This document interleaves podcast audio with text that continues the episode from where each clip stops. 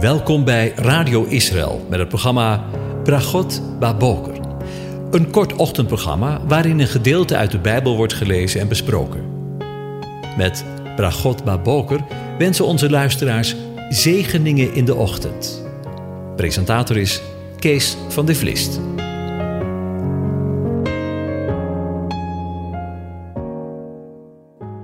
Goedemorgen, luisteraars. Vanmorgen denken we weer na over Psalm 48. Ik lees het aan je voor. Een lied, een psalm van de zonen van Korach. De Heere is groot en zeer te prijzen in de stad van onze God, op zijn heilige berg. Mooi van ligging, een vreugde voor de hele aarde. Is de berg Sion aan de noordzijde, de stad van de grote koning. God is in haar paleizen. Hij is er bekend als een veilige vesting. Want zie, de koningen hadden zich verzameld. Ze waren samen opgetrokken. Zodra zij de stad zagen, waren zij verbijsterd. Ze werden door schrik overmand. Zij haasten zich weg. Huiver greep hen aan. Smart als van een barende vrouw. Met een oostenwind breekt u de schepen van Tarsis stuk. Zoals wij het gehoord hadden, zo hebben wij het gezien. In de stad van de Heere van de legermachten. In de stad van onze God. God zal haar stand doen houden tot een eeuwigheid. O God, wij gedenken uw goede tierenheid in het midden van uw tempel.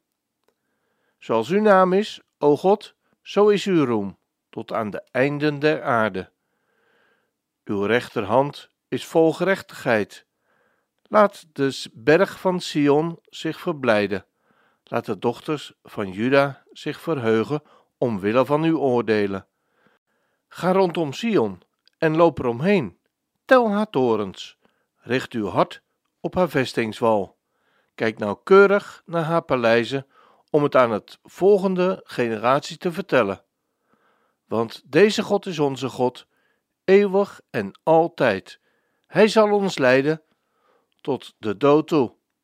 Tot zover over de overwinnaar gesproken.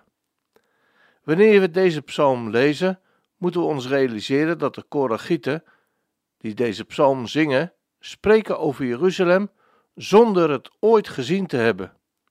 Dat maakt de psalm eigenlijk alleen maar mooier. Iets waarderen, iets bezingen zonder het ooit gezien te hebben. Daar is geloof voor nodig. Niet zien en toch geloven. In de tekst die we zojuist met elkaar gelezen hebben, zie je als het ware de Koragieten door Jeruzalem lopen, als een soort gidsen. Ze wijzen op ons op de schoonheid van Jeruzalem. In de psalm worden jongeren en ouderen opgeroepen om rond de stad met zijn torens te tellen, de vestingswal of de muren en de paleizen te gaan bekijken. Er zijn ongetwijfeld talloze uitleggingen over deze teksten, maar ik wil vanmorgen er de aandacht op richten dat de God van Israël zijn volk niet vergeet. Ook al is Jeruzalem talloze keren verwoest, met de grond gelijk gemaakt. Al zijn er ook vandaag talloze volken die Israël met de grond gelijk willen maken. Lees de kranten maar op na of zet je televisie maar aan. Ook in de dagen waarin wij leven, worden bijna dagelijks raketten en mortieren op Israël afgevuurd om het land plat te bombarderen. Worden ballonnen opgelaten om het land plat te branden.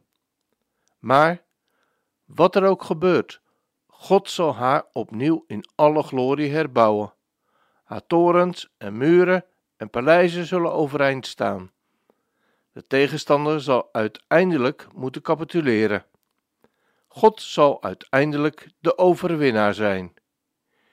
Eeuwen geleden zongen de Koragieten daar al van. Niet omdat zij het al met hun natuurlijke ogen zagen, maar hun geestelijke ogen zagen veel verder. Wanneer wij in de God van Israël geloven, zullen wij ook mee kunnen zingen met Psalm 48 en zijn overwinnaar. Hij zal immers Israël en Jeruzalem herbouwen, want hij is de overwinnaar. Maar mag ik je vanmorgen ook je aandacht richten op een persoonlijke toepassing van de psalm? Weet je, het kan nog zo'n puinhoop zijn in je leven. Zijn al je dromen en verlangens platgebombardeerd of platgebrand? Ook al is je leven niet geworden wat je er mogelijk allemaal van verwacht had.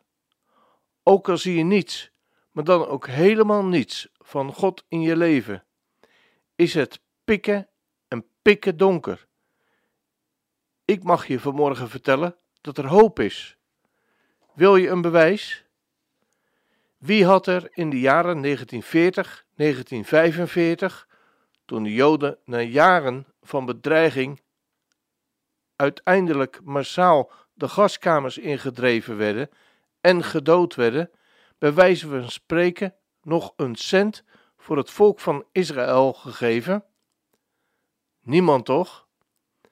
En nauwelijks twee jaar later werd de staat Israël uitgeroepen. Een wonder toch? Maar zij troffen een woest en verlaten land. En nu, zeventig jaar later, mogen we met recht zeggen dat het een land van melk en honing is. Wie er geweest is, zal het kunnen beamen. Wil ik daarmee zeggen dat Israël zo geweldig is? Wel nee.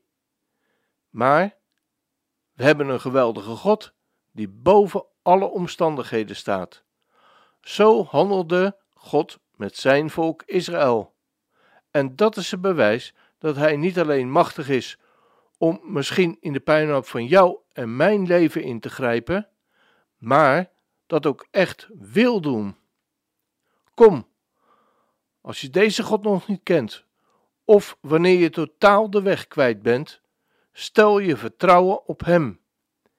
Ik moet denken aan Psalm 37, vers 5, de tekst waarmee mijn vrouw Anja en ik verbonden werden, nu alweer 43 jaar geleden, waar we de belofte kregen: Wentel je weg op de Heere en vertrouw op Hem. Hij zal het doen. Ik moet denken aan een bijzonder lied. Jezus is overwinnaar. Ik lees het aan je voor. Waar u verschijnt, wordt alles nieuw, want u bevrijdt en geeft leven. Elke storm verstilt door de klank van uw stem. Alles buigt voor Koning Jezus.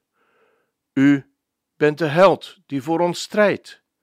U baant de weg van overwinning. Elke vijand vlucht, ieder bolwerk valt neer. Naam boven alle namen, hoogste Heer. Voor eeuwig is uw heerschappij. Uw troon staat onwankelbaar. Ongeëvenaarde kracht ligt in uw naam. Jezus, overwinnaar. De duisternis ligt op door u. De duivel is door u verslagen. Dood, waar is je macht? Waar is je prikkel gebleven? Jezus leeft en ik zal leven.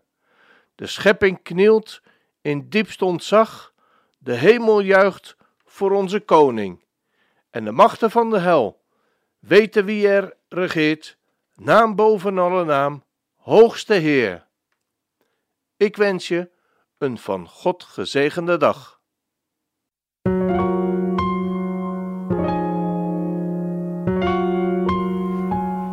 U hebt geluisterd naar het programma Bragot Baboker.